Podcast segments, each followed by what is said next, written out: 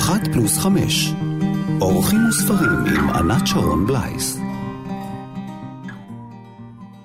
כל הנערות, כל הנערות הולכים אל הים, והים איננו מלא, כי כל הנערות חוזרים אל הנערות.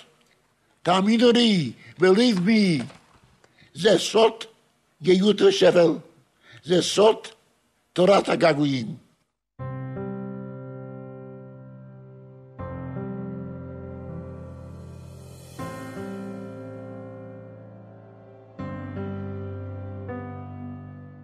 זה סוד גאות ושפל. זה סוד תורת הגעגועים. שלום לכם, מאזינות ומאזיני כאן תרבות. שמענו את המשורר אבות ישורון שחזר לקהלת כדי לספר לנו מה הם הגעגועים. לפני מספר ימים קראתי רשימה שכתבה הרבה רעות המר עבור חברי קהילת ניגון הלב של עמק יזרעאל.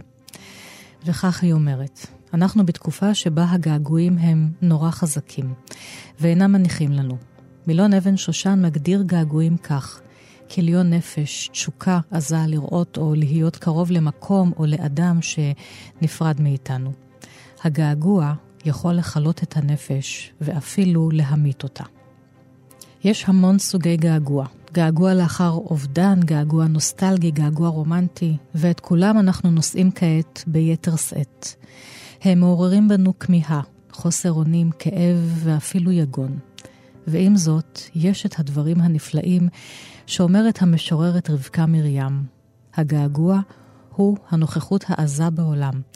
הוא זה שגורם לאהבה ולמלחמה, לבנייה ולחורבן.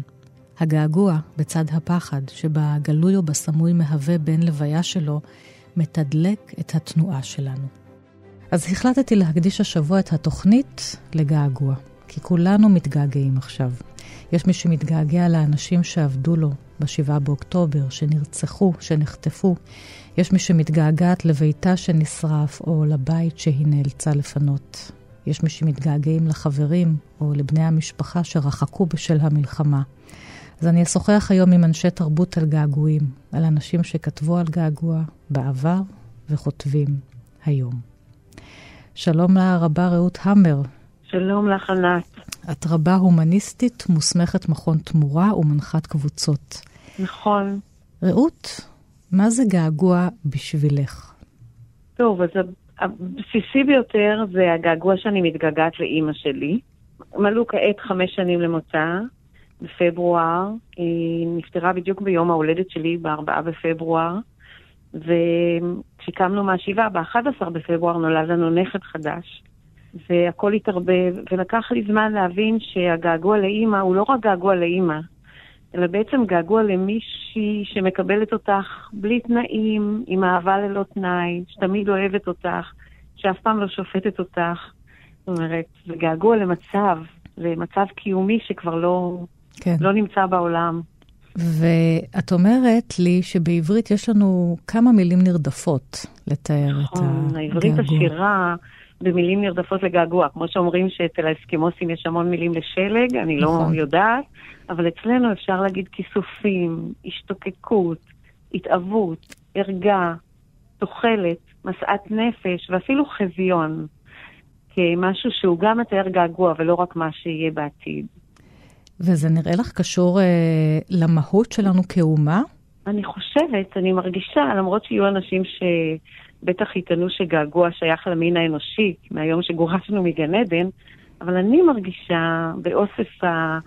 המקורות שאני מכירה וחיה, היהודיים, שזה נמצא ב-DNA היהודי. המוכר ביותר זה מזמור תהילים, שיש שם פסוקים שאנחנו אומרים גם בכל חתונה. כתוב על נערות בבל, שם ישבנו, גם בכינו, בזוכרנו את ציון, ובהמשך, באותו מזמור, מזמור תהילים קל"ז, כתוב, אם אשכחך ירושלים, תשכח ימיני. תדבק לשוני לחיכי אם לא אזכרכי, אם לא אעלה את ירושלים על ראש שמחתי. אז... וביום הכי שמח, חתן אומר את זה תחת החופה. נכון. כלומר, זה משהו ששייך למציאות שלנו גם כשאנחנו שמחים ומאושרים. הגעגוע. כן, וזה התחיל עם השיחה שלך, שאת אומרת שביום ההולדת שלך נפטרה אימא שלך, אז גם בתוך הביוגרפיה שלך כרוכה השמחה והגעגוע. ואנחנו עומדים מתחת לחופה וליד הברכות, אנחנו נכון. מצווים להתגעגע. לזכור, כן, לזכור, להתגעגע בכל נימי נפשנו, מה שנקרא. תדבק לשוני לחיקי, זה קללה גדולה, אם לא אזכר לחיקי. זה לא קצת אבסורד? תן לי רגע להיות לא... עם האישה שלי, מה אתה רוצה ממני עם ירושלים עכשיו? כן, אני חושבת שזה חכם במובן שזה משאיר את האדם מספיק קטן ביקום להבין שהוא לא שולט בכל, שהכל נורא שברירי, שגם ברגע של עושר גדול אנחנו צריכים לזכור את זה, שזה שומר על צניעות, על ענווה. אני, אני חושבת שזה קשור בזה, לפחות לגביי זה ככה. במציאות שלי, בלי קשר לאמונה באלוהים בכלל ולדת, זה קשור כן. לדעתי בזהות. שיש בנו משהו, איזה מין סדק. הגעגוע הוא בעצם סודק אותנו, אנחנו לא שלמים עד הסוף. נכון, נכון. וזה גם נכון לאבות שלנו, לאב הראשון, לאברהם, כן. שאלוהים ציווה עליו, לך לך מארצך וממולדתך. כן, ומבית הוא... אביך. שוב, אגב ה-DNA הזה הוא מושחל. אתה עכשיו באיזשהו מקום הוא תמיד יהיה משהו שהוא קרוע מהשורש שלו, זה כן. מצד אחד. והצד השני זה משה, שמשיב את עם ישראל לארץ ישראל, הולך איתו 40 שנה במדבר, עם העם הזה שקוצף עליו כל הזמן. ולא זוכה, ולא זוכה להיכנס זוכה. לארץ. כן, כן. הוא, מס, הוא עומד על הר נבו, והוא מסתכל על הארץ שמנגד, זה אולי אחד הפסוקים שוברי הלב ביותר ממש. שיש. כן, נורא, נורא עצוב, שהוא אומר לו, הראיתיך בעיניך, ושמה לא תעבור. והוא מת שם על ההר. הוא לא נכנס. בכל ציפייה יש עצב נבו, כתבה רחל נכון. המשוררת, וחיים גורי תמיד אמר שזה המשפט השירי הכי יפה בעולם. נכון, ואני אספר לך שנולד לי לפני של... ארבעה שבועות בדיוק נכד, והוא נקרא נבו. אז הנה, את כן. אה, נושאת את הגעגועים. נכון. גם בתוך המשפחה את ממשיכה לשאת את הגעגועים. נכון. אז אני שוב נכון. רוצה לשאול אותך, מה זה כן. הקצוות הקרועים האלה שאנחנו חיים ביניהם? אז זהו, אז אני חושבת שיש כאן עוד שכבה של מסר לנו, לזהות שלנו, של היכולת להתמודד עם קצוות. להבין שזה לא או-או, שזה גם וגם, שאנחנו יכולים לחיות גם עם געגוע, אבל גם עם תקווה. כמו שרבקה מרים אומרת במה ש... בציטוט שהקראת, שהגעגוע לנוכחות העזה בעולם. כן. כלומר, אנחנו מסוגלים לחיות עם שני הקצוות ביחד, ולהרגיש שלמים למרות הסדק, ולהתגבר. והכוח שלנו להתגבר, ואני מוצאת את זה, כאילו דיברנו על העזיבה של מולדת והחז... והאי כניסה למולדת, אבל יש את השיר של לאה גולדברג, שהיא mm-hmm. כותבת על געגוע דווקא לארץ שבו היא נולדה, ולא שהיא לא המולדת שלה. זאת אומרת, אנחנו מסוגלים לחיות עם שני הקצוות, כמו שלאה גולדברג כותבת כמה היא מתגעגעת למקום שבו היא נולדה, אבל היא מודעת לזה שהיא לא המולדת שלה. כאן לא אשמע את כל הקוקייה. כאן לא יחבוש העץ מצנפת שלג, אבל בצל האורנים האלה, כל ילדותי שקמה לתחייה. ואז היא אומרת, אולי רק ציפורי מסע יודעות, כשהן תלויות בין ארץ ושמיים, את זה הכאב של שתי המולדות. איתכם אני נשתלתי פעמיים, איתכם אני צמחתי אורנים, ושורשיי בשני נופים שונים. זאת היכולת להכיל את זה. אבל לאה גולדברג אז מכניסה את הגעגוע לתוך התבנית של הכאב.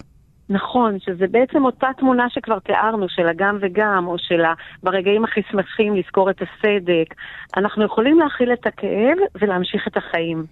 זה מה שאני מרגישה, שאנחנו יכולים להכיל את הכאב ולהמשיך לחיות לא רק בשביל לשרוד, אלא לחיות במלוא הנפש, במלוא העוצמה, להיטיב, לעשות דברים טובים לצד הכאב או עם הכאב, ואולי דווקא יש בו כוח מניע של אמונה שלנו שאנחנו אף פעם לא מוותרים, שאנחנו רוצים את הטוב, שאנחנו יודעים לשמוח.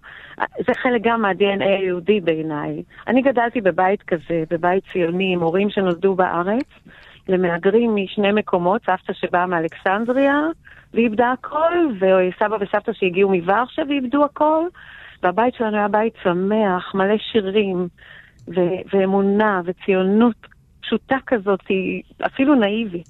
וזה וככה ישב... אני גדלתי. ו- אבל זה ישב על שכבה של געגועים? כן, מאוד גדולים. סבא וסבתא שלי איבדו כל אחד את ההורים ושמונה אחים ואחיות, ולא ראו אותם, הם עלו ב-31 לפני המלחמה מפולין, בגלל אנטישמיות, סבא שלי היה ציוני, ורק ב-1945 הם גילו שכל המשפחה שלהם נרצחה על ידי הנאצים בוורשה. שתי המשפחות נרצחו, והם תמיד חיו בגעגוע. סבתא קיבלה בחופה של הזוג פמוטים, היא אף פעם לא הדליקה נרות ביום שישי. אבל פעם בשנה בפסח הפמוטים עמדו על השולחן והמון פליטים מכל מיני מקומות הגיעו לחגוג איתם פסח. פרטיזנים וסיפורים של אנשים שהתחברו ביערות שפגשתי אותם כי הם באו לסדר פסח אצל סבא וסבתא. מה את יכולה ללמוד על עצמך, על ההורים שלך, על סבא וסבתא, עלינו עכשיו אולי כאזרחים פה במדינה, מתוך הגעגוע, היחס של כל אחד לגעגוע? אפשר ללמוד על זה משהו? אני חושבת שכן. אני חושבת שקודם כל על עצמי. אני חושבת שאני אופטימית ללא תקנה, אה, וזה נותן לי כוחות. ויש לי תשעה נכדים, יש לי ארבעה ילדים ותשעה נכדים, ואני מרגישה שזה חלק מה, מהמסר שקיבלתי, איך לחיות. ויצא לך גם בכוחות. לפגוש, יצא לך גם לפגוש, את שייכת לחבורה שלמה של אנשי ההתיישבות העובדת, יצא לך לפגוש אנשים כן, ונשים. יצא, יצא לי לפגוש אנשים שבורים, וכל מה שאני מנסה זה לתת אהבה ולהגיד להם שאני מאמינה ברוח האנושית שלנו. להמשיך הלאה, לא, לא לשרוד, להמשיך בטוב, להמשיך בכוחות, להמשיך, תראי, פורים בפתח. ובדיוק הרבה שלנו, ליאורה, אמרה, בואו נעשה פורים. ליאורה אזרחי, הרבה של הקהילה. ליאורה אזרחי ורד, הרבה של קהילת ניגון הלב. והיא אמרה, בואו נעשה פורים. בשנה שעברה אני הייתי אחראית על צוות פורים. ואני לא יודעת השנה איך, אין לי עוד כוחות. אין לי כוחות פנימיים לגייס לפורים, אז גם אני לא תמיד מצליחה.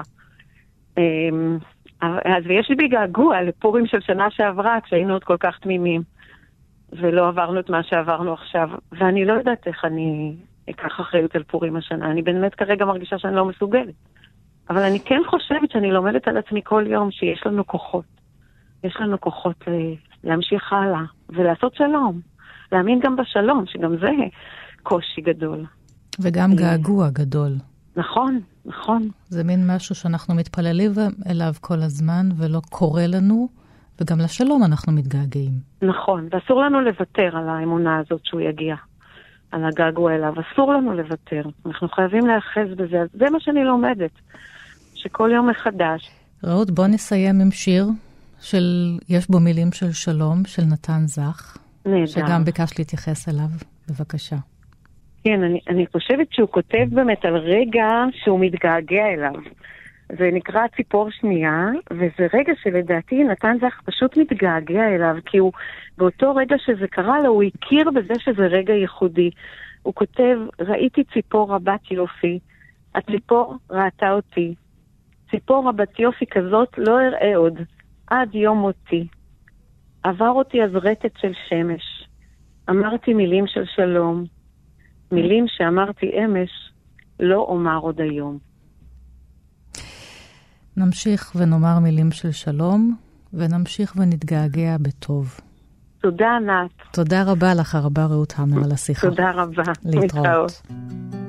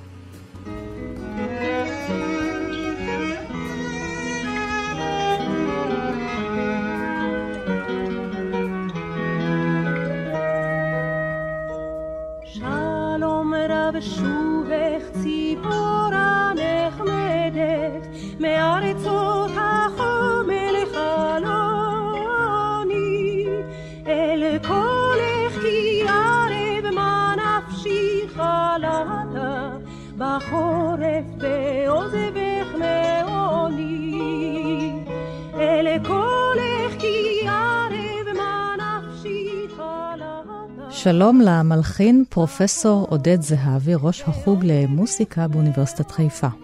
שלום רב ענת. אתה התגעגעת לקול שלך, עודד, כי הוא הלך לאיבוד לכמה ימים. אה, האמת היא שזה נכון, השפעת המשוקצת אה, הצליחה להשבית אפילו אותי. אז חיכיתי, חיכיתי הפעם לעודד ולא למיכאל, והנה חזרת נכון. עם הכל. כדי שנשלים את תוכנית הגעגועים. ונתחיל עם שלום רב שובך ציפור הנחמדת, מארצות החום אל חלוני, ביאליק. נכון. אז זה שיר הגעגועים האולטימטיבי, אני חושבת. כן, אני חושב שזה שיר געגועים מכונן. בעצם כל המהות שלנו כאן היא מהות של געגוע. ב-DNA שלנו כאן יש געגוע. היה געגוע אל הארץ הנחלמת, ומהרגע שהגענו לכאן אנחנו מתגעגעים לדברים אחרים, אנחנו מתגעגעים אל המולדת שעזבנו, אנחנו מתגעגעים אל אנשים שהיו איתנו ואינם עוד מכל מיני סיבות. זאת אומרת, מוטיב הגעגוע, הגעגוע האקטיבי, הגעגוע הלאומי והגעגוע האינטימי הוא רכיב שנוכח לחלוטין בתרבות ובשירה הישראלית. ומה שמעניין לבדוק אה, זה מה קורה לגעגוע היום. היום אין געגוע, יש אינטרנט. היום אין כמיהה, שלום רב שובך, אתה יכול לעשות uh, bird tracking, ואתה יודע בדיוק מה תספר לך הציפור, אם היא לא כתבה על זה באיזה בלוג של ציפורים. וזו שאלה נורא מעניינת, הטרנספורמציה של הגעגוע זה עוד דבר שאנחנו נצטרך לבדוק אותו, אבל נראה לי שאנחנו היום מתרפקים קצת על תרבות קיימת, על שירה שכבר נכתבה ועל uh, דברים יפים ומוסיקות יפות שנכתבו לגעגועים האלה. געגועים קשורים בציפורים, בעיקר בציפורי הנוד, ציפורים הנודדות, כי הן אולי עושות משהו שאנחנו, בני האדם ההולכי על שתיים על האדמה, לא יכולים, הן בשמיים, והן עפות להן מתי שהן רוצות, מפה לשם, משם לכאן. הזכרנו את ביאליק, הזכרתי גם בשיחה הקודמת את לאה גולדברג עם הציפורים שיודעות את כאב שתי המולדות, וגם אתה רוצה לדבר על שיר אחר שלה, עם נכון, ציפורים. נכון, האמת, זה לגמרי נכון. האמת היא שלגולדברג אה, יש כמה... שירי ציפורים נפלאים, אני חושב שאולי החזק שבהם, שאני גם הלחנתי אותו, אבל אנחנו לא נדבר עליו עכשיו, זה בהרי ירושלים, כיצד תוכל ציפור יחידה לשאת את כל השמיים על כנפיים רפות. זה שיר שכל כך חזק, שאלמנט הגעגועים ואלמנט האחריות של המתגעגע, אה, הוא, הוא כמעט כזה שאי אפשר לעמוד בו, אבל ה... אה, שיר שאני אדבר עליו הוא מתוך שירי העם הבדויים של לאה גולדברג, שיר בכפרים, היה נערי דגול מרבבה, זה שיר אה, מכונן געגועים גלותי ומעניינת אותי לאה גולדברג בהקשר הזה, מכיוון שאנחנו הצברים מתגעגעים לדודו, אם כן. אנחנו נרחיק את זה הכי רחוק זה יהיה אליפלת. אבל העגורים והנחל שאליהם מתגעגעת הדוברת בשיר, הם לא מעכשיו ולא מכאן, הם באיזושהי תרבות אחרת. אני חושב שאפשר לדבר על לאה גולדברג המתגעגעת למי שמתגעגעת לנער שעזב אותה אה, אי שם בגלות. והנושא של המשורר שיושב במולדת אחת ומתגעגע לדברים אחרים הוא, הוא, הוא בעיניי נפלא. אם אנחנו כבר מדברים על ציפורים, אה, אה, פלי פייגלח של איציק מנגר מתוך המגילה, עופו ציפורים. ודברו אל מלכלה, שאני מתגעגע אליה, אל אסתר המלכה. אה, כן, אנחנו מתגעגעים אנחנו. היה נערי דגול מרבבה, זריז אדמוני גבוה, נשבע נערי לי שבעים ושבעה, אמר באביב אבואה. אמר אשובה עם עגורים, אמר נצא ללקט גרגרים, פטל אדום על שיח, תנה מלא הבטיח, הוי עגוריי ארוכי הצוואר. אה, אה, דרך אגב, בשני השירים שדיברנו עליהם, כן. אה, המלחינים עשו עבודה מדהימה. הכמיהה של עממי אידי כן. בשיר, בשיר של ביאליק היא פשוט נפלאה. הקפיצה הזו אל קולך הוא, הוא דבר מדהים, וסשה ארגוב בנה את כל הגעגוע.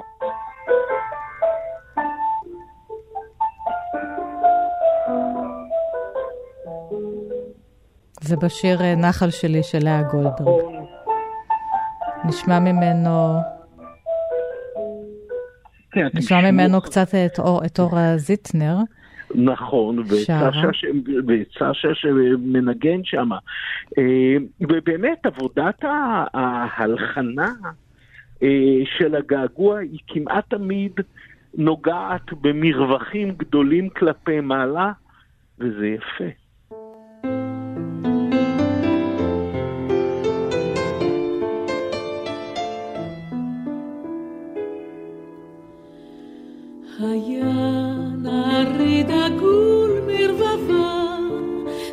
זריז אדמוני גבוה. נשבע נערי לי שבעים ושבעה, אמר באביב אבוה. אמר אשובה עם הגורים, אמר נצא ללקט גרגרים,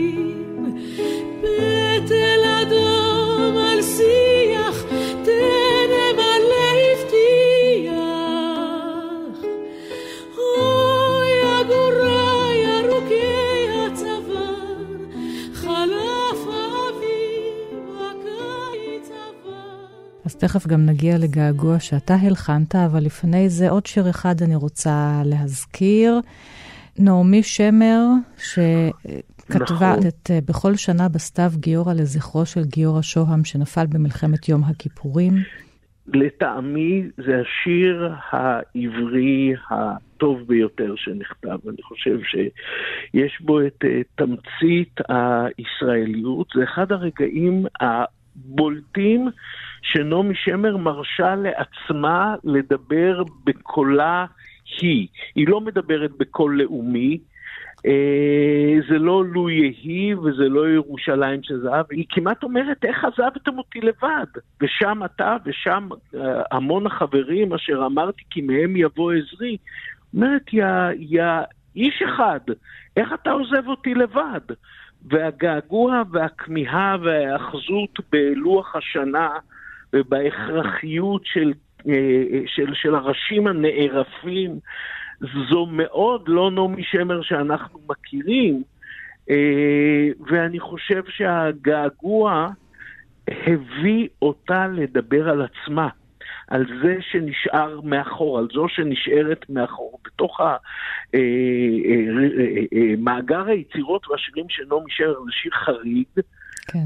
ונדמה לי ש, ש, שהוא הטוב שבהם, ויש לי איזו תחושה נעמי שמר שתמיד ניסתה לחזק ולהיות אופטימית. ניסתה לחזק ודיברה ב- ב- ב- בשם הקבוצה קבוצה, נכון. והקהילה, ואנחנו, והחייל שלי חזר, ופתאום באיזה רגע איזושהי אמת פנימית של חרדה שמלווה בגעגוע קורע לב. יש לי תחושה שהשיר הזה עוד יגיע, אם, אם, אם אנחנו נישאר פה עוד קצת במקום הזה, השיר הזה עוד אה, יגיע למלוא ההכרה שהוא ראוי לה.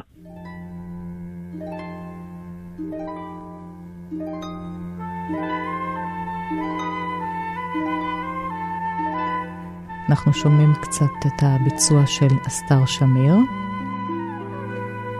בכל שנה בסתיו הרוח המטורפת בגני, עורפת את מיטב השושנים, בכל שנה, בכל שנה בסתיו גיורא. אשא עיניי אל ההרים,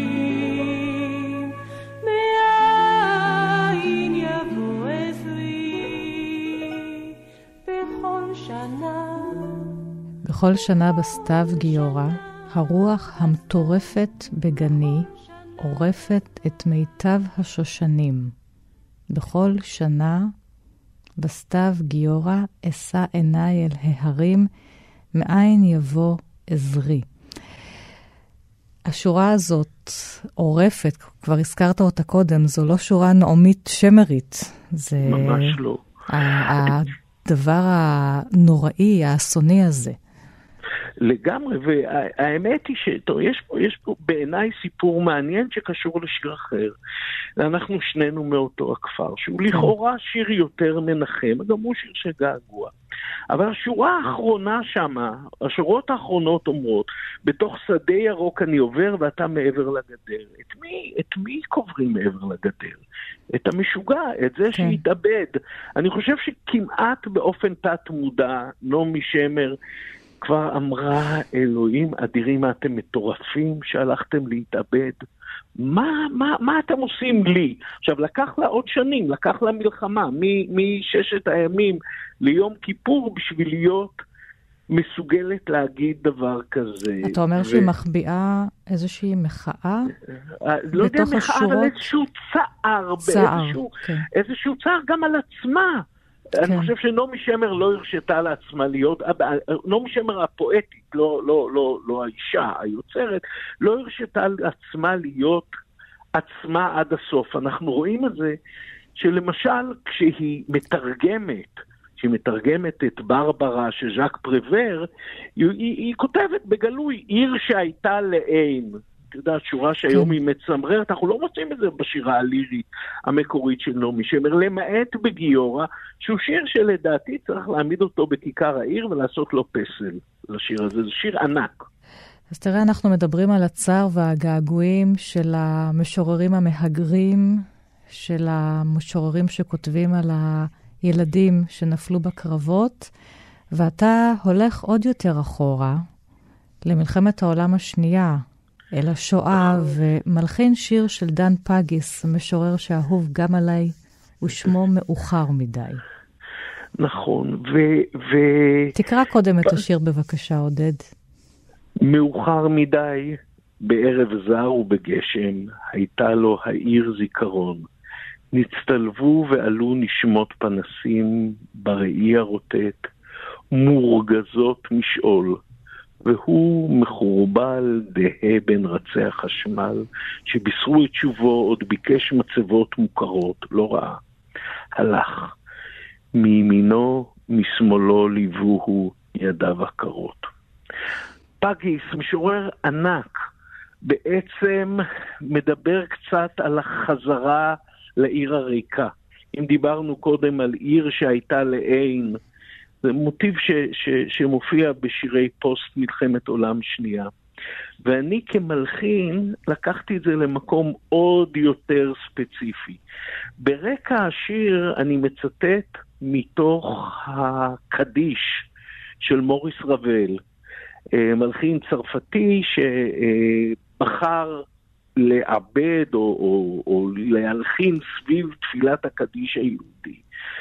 אז בתמונה שאני שרטטתי בשיר הזה, אה, מישהו חוזר לאיזושהי עיר אירופאית אה, ושומע מישהו אחר מנגן את תפקיד הפסנתר בקדיש של רבל. אבל זה העולם הפנימי שלי. פגיס, אגב, שחייבים להגיד שהוא ירושלמי, אני במקור ירושלמי. אה, יש משהו בשירה שלו ש, mm-hmm. שאי אפשר לעמוד בפניו. העצב אה, המדויק, אני חושב שעצב מדויק, הגעגוע המדויק, כל מילה בשיר הזה, היא פשוט פנינה, וזו הייתה חוויה מיוחדת במינה להלחין אותו. ואנחנו נשמע את השיר בלחן שלך מבצעות קלר מגנז'י ואירנה פרידלנד.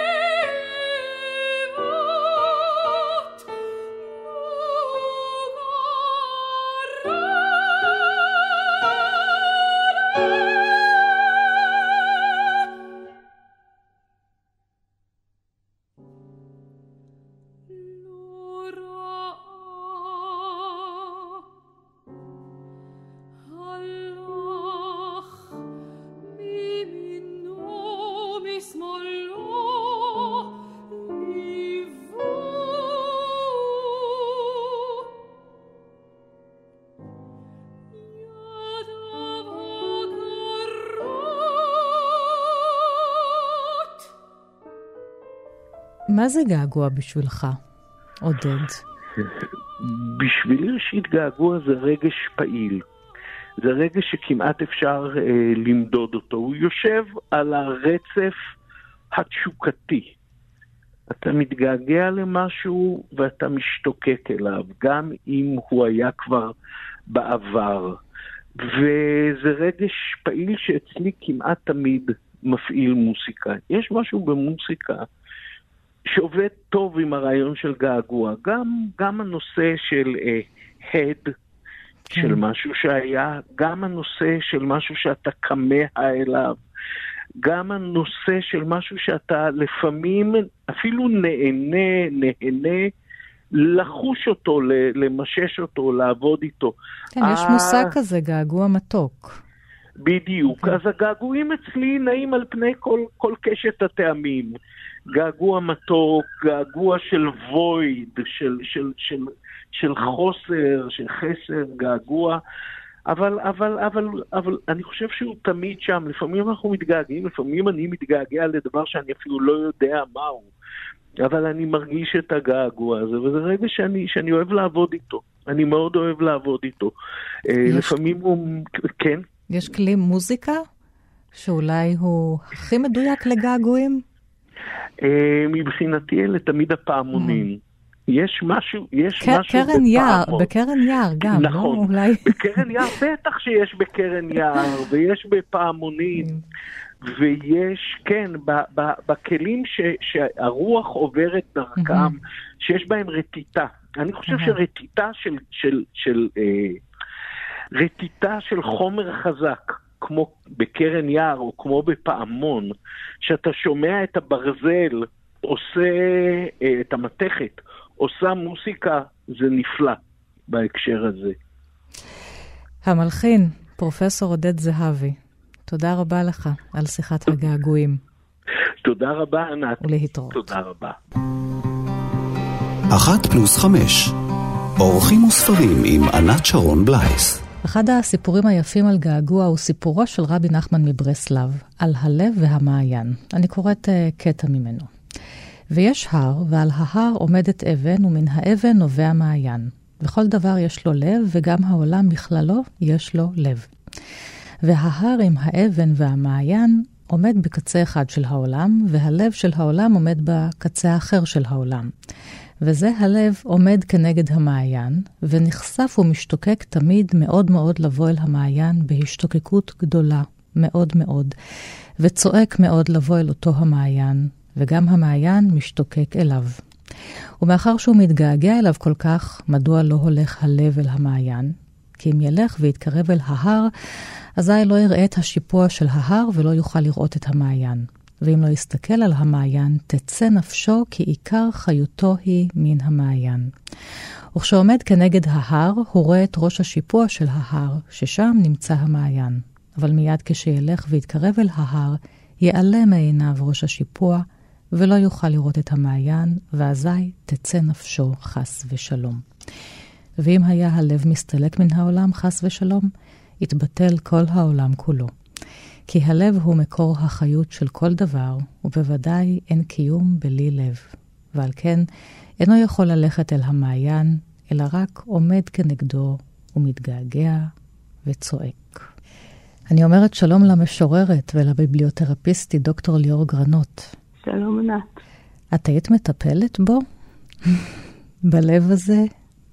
אני, כן, אני חושבת על הקטע שמסתיים בצעקה, כן. איזושהי צעקה ש, אה, של, שלא נגמרת, אה, כלומר כאיזשהו געגוע, אה, געגוע קפוא, ומצד שני כמה חיות יש שם, כן, הגעגוע כמה, ש, כמה שמחזיק את החיים, נכון, את החיים עצמם. כן, כי נראה שאם הוא ילך ממקומו הלב כדי להתקרב למושא הגעגועים שלו, אבל בדרך הוא לא יראה אותו, אזי הוא, הוא ימות. אז הוא, מה שקורה פה זה שהגעגוע משתלט על הכל. כן, אני חושבת באמת על, ה, על התנועה הזאת, אמ, שהרבה פעמים היא, אמ, היא, היא תנועה עדינה בין געגוע שמשתלט על הכל, שהוא געגוע מכלה, אמ, וגעגוע קפוא שמנקז אליו את כל תחושות החיות והמשמעות, והופך להיות איזשהו תחליף למציאות, ובין געגוע שאפשר ליצור תנועה מתוכו. ואת רוצה להתמקד בהבחנה הזאת בין געגוע כפול, מה שאת מכנה געגוע כפול, לבין הגעגוע שיש בו חיים ותנועה, דרך כל מיני אה, שירים, גם שלך וגם של אחרים. אז אה, עם מה את רוצה לפתוח? הייתי ליאור. רוצה להתחיל עם השיר אמ, כששקעה המוזיקה של חדווה הרחבי. בבקשה. כששקעה המוזיקה ועל ידי הגעגועים המו כאריות, ולא היה לי דבר על הארץ. לא אדוני, לא עיר בה לקום מחדש לתחייה, לא חלומו של ילד. הגעגועים הומים כאריות. כן, ומאיימים, ומאיימים לטרוף ו- ולכלות. אני חושבת על הגעגוע הזה שמכלה את התקווה ואת האפשרות לתנועה ולקימה אה, ולתחייה ולחלום. וגם אני חושבת על זה שהגעגועים הם ליד הדוברת, הם לא בתוכה. לא יודעת, אולי כאיזשהו עיון, עיון שלה על ידי הגעגועים ההומים כאריות האלו. מה עושים כאשר הגעגועים אה, מאיימים לכלות את הנפש? כי את מטפלת באנשים עם טקסטים. איך אפשר לעזור להם כדי שלא יכלו את הנפש? אנחנו נמצאים בימים כאלה שהגעגועים מכלים נפשם של אנשים. כן, אז um, אני, אני, אני באמת חושבת על, על האפשרות um, ליצור תנועה בחוויית הגעגוע. וכשאני אומרת ליצור תנועה, אז למשל עבודה דרך כתיבה, אז uh, בוודאי שבכתיבה ראשונית אפשר להביע את כאב הגעגוע והאובדן ו- והחסר והבור. Um, אבל אני חושבת שבהמשך אפשר ליצור um, תנועות של משמעות לגעגוע. למשל, אני יכולה לתת ככה כמה דוגמאות, אפשר להציע לכתוב בשם האדם שמתגעגעים אליו, אל האדם שנמצא בטיפול. כן, מה האדם שמתגעגעים אליו היה רוצה לומר לך, כמו פנסים להאיר את הדרך. ואז אנחנו בעצם יכולים ככה להגביר את הנוכחות של הדמות המופנמת של האדם שאליו מתגעגעים, אבל באופן שיאיר יאיר את ההווה, או ייתן כן. משמעות. או למשל אה, כתיבה של זיכרונות מיטיבים מהקשר והחייאה שלהם בכתיבה. אה, באופן שאפשר יהיה שוב לקחת ממנו אה, משמעויות ותנועות להווה. ואת ביקשת לחבר לזה, לאותו געגוע קפוא שאיתו צריך להתמודד ולהיחלץ ממנו כך או אחרת, גם שיר שאת כתבת בספר שלך, ששמו "והשמש שמש", שראה אור בהוצאת הליקון ב-2010. שיר ששמו "במקום ים". אם אלחש את המילה געגוע עשרות פעמים, או אכתוב אותה מאה פעמים, כמו עונש, האם ירגע הגעגוע? האם אלמד? ואם אצעק געגוע בכל כוחי, האם יתנפץ? את מחברת כאן את הגעגוע לים. כן, אז באמת ככה, הבחירה בכותרת הזאת אה, הייתה קשורה במוצא געגועי אז, אה, אבל אני חושבת על הגעגוע שמובע בשיר הזה אה, במקום ים. כלומר, הים שיש בו איזושהי תנועה אינסופית, אה, ולעומתה הגעגוע שבשיר הזה הוא געגוע חזרתי, אבל לא באופן שיוצר איזושהי תנועה ממקום אחד לשני, אלא חזרה סיזיפית, שהנפש בעצם נשארת באותו מקום כלוא, כן, כמו עונש של לכתוב מאה פעם וללחוש וללחוש וללחוש, והגעגוע נשאר כאיזושהי קפסולה כלואה, לעומת התנועה האינסופית והמתמשכת של הים. אני יכולה למשוך את זה לשני מושגים שפרויד דיבר עליהם, אבל ומלנכוליה. Mm-hmm. שהאדם המתגעגע הוא מלנכולי, הוא מי שבעצם לא עושה את התהליך של האבל ולא משלים ויכול להמשיך הלאה לבחור בחיים, אלא הוא בוחר בגעגוע גם כסוג של משהו באמת מכלה. כן, כן, ופרויד מדבר שם על זה שבעצם אובדן האובייקט אה, מומר לאובדן האני. כן? כלומר, האני בעצמו אה, מזדהה עם האובייקט האבוד ו, ומכלה את עצמו. ויש לך אה, גם דוגמאות אופטימיות. נתחיל עם שיר של אה, משוררת יפנית, שיבאטה טויו, שהחלה לכתוב בכלל שירה בשנות ה-90, בספר של הרע אור בהוצאת לוקוס, הספר ששמו "הבוקר בא תמיד". שזה גם סוג של אה, געגוע חיובי. אם אתה מתגעגע או את מתגעגעת לבוקר, הוא יבוא תמיד. Mm-hmm. ואת אה, רוצה לדבר עליה, אבל אחד השירים שלה. וכמה אה, תקווה ותנועה יש בעצם התחלה של כתיבה בגיל, בגיל 90 ומעלה. נכון. בשיר שבחרתי הוא "כשאני עוצמת עיניים". כשאני עוצמת עיניים, שתי צמות כלואות לראשי, ואני מתרוצצת מלאת חיים, קול אמי קורא לי מרחוק. עננים לבנים נשרכים בשמיים, מעל שדה פרחים רחב. עכשיו, ב-92, כשאני עוצמת עיניים, עולם הרגעים שהיו משמח את ליבי מאוד. אמ, אז אמנם היא לא מדברת כאן באופן מפורש על געגוע, כן, במובן של כמיהה למשהו שעבד, אמ, אבל אני חושבת שיש כאן את הנוכחות של געגוע, היזכרות במשהו שנחווה כנעים, מיטיב, משמח, שלא קיים כבר, עולם הרגעים שהיו. אבל ההתבוננות שלה על הרגעים האלו היא לא רק בעצב על כך שחלפו, אלא היא בעצם מצליחה להיטען מחדש בתמונות הזיכרון המיטיבות האלה, וליצור בתוכה תנועה של שמחה בהווה. כן. עכשיו, עולם הרגעים שהוא משמח את ליבי, את ליבי מאוד. וגם לך יש אה, מחזור שירים ששמו ארבעה שירים לאהובה. נקרא שני בתים ממנו, את הראשון ואת האחרון ביקשתי ממך. נכון, כן. גם כדי לדבר על איזשהו משהו שהוא מתחיל אולי מגעגוע עצוב, ויכול להתפתח לגעגוע שמח, Mm. או עם תנועה. כן, יש את הביטוי הזה געגוע מתוק. השיר הראשון מתוך uh, המחזור ארבעה שירים לאהובה. ארבעה שירים אני כותבת לך, כמו ארבעה קירות חיצוניים של בית.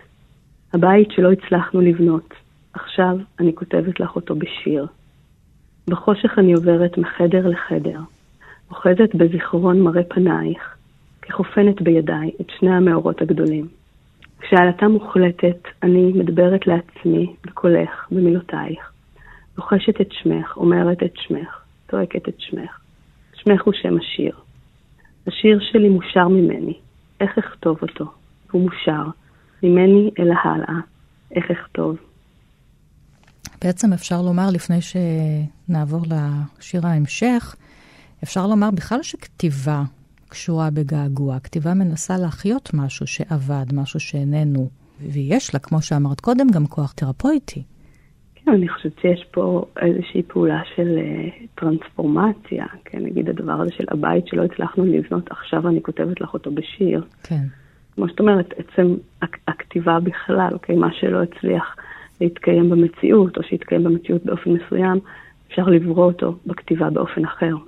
כן, אז עושים גם טרנספורמציה למה שלא קרה וגם לגעגוע או ללב הנחמץ. כן.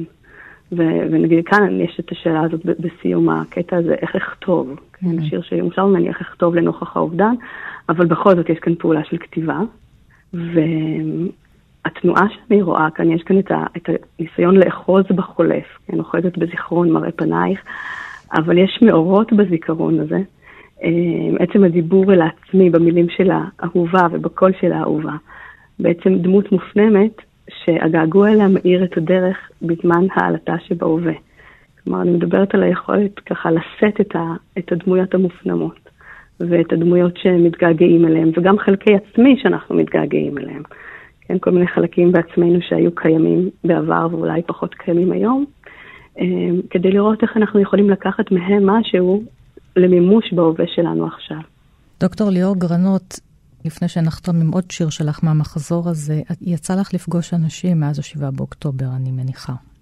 באופן אישי אני, אני לא עובדת עם אנשים שהם במעגל, אה, במעגל הראשון, אה, ככה, של, ה, של, ה, של הנפגעים, אבל אני עובדת אה, באופן שהוא גם של מתן מקום, מתן מקום לכאב, לגעגוע, לאין מילים, הרבה חוויה של אין מילים, ו, ושל ניסיון למצוא, כן, כן לטוות, לטוות קודם כל שפה לחוויה הנפשית, ואת זה אני עושה הרבה באמצעות, באמצעות שירים.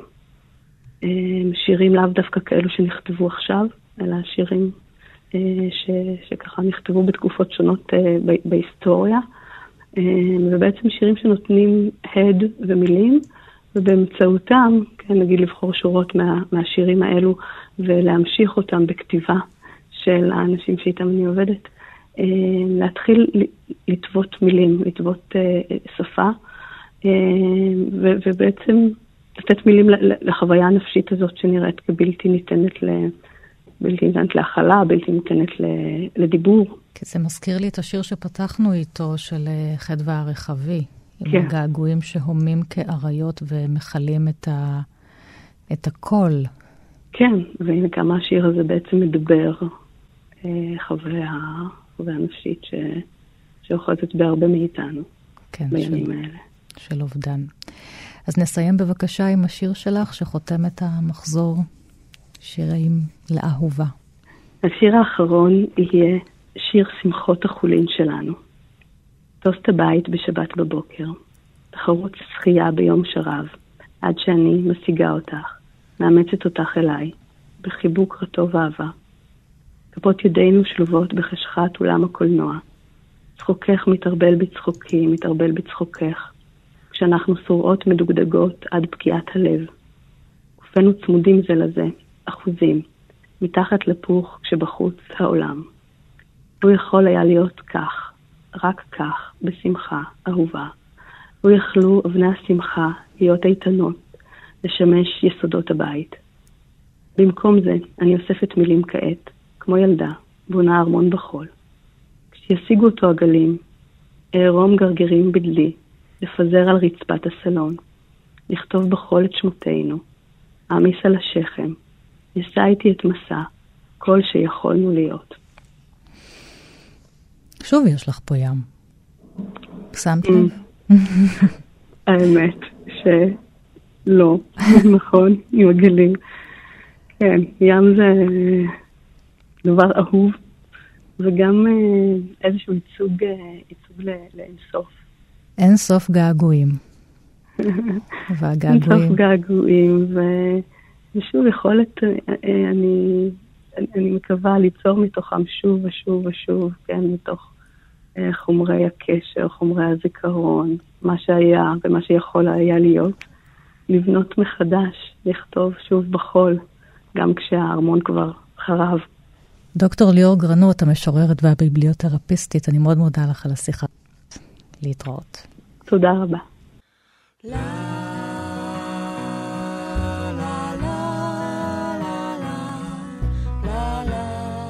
מאזינות ומאזיני כאן תרבות, עד כאן אה, שיחות געגועים. תודה לאורחות שלי הרבה רעות המר והמשוררת דוקטור ליאור גרנות, ולאורח המלחין פרופסור עודד זהבי. כל תוכניות אחת פלוס חמש תמיד זמינות לכם בעמוד ההסכתים. כאן באולפן ענת שרון בלייס. תודה לכם ולהתראות.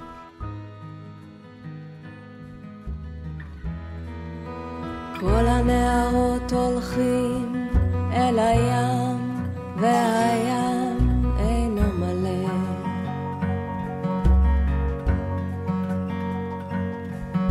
כי כל הנערות חוזרים אל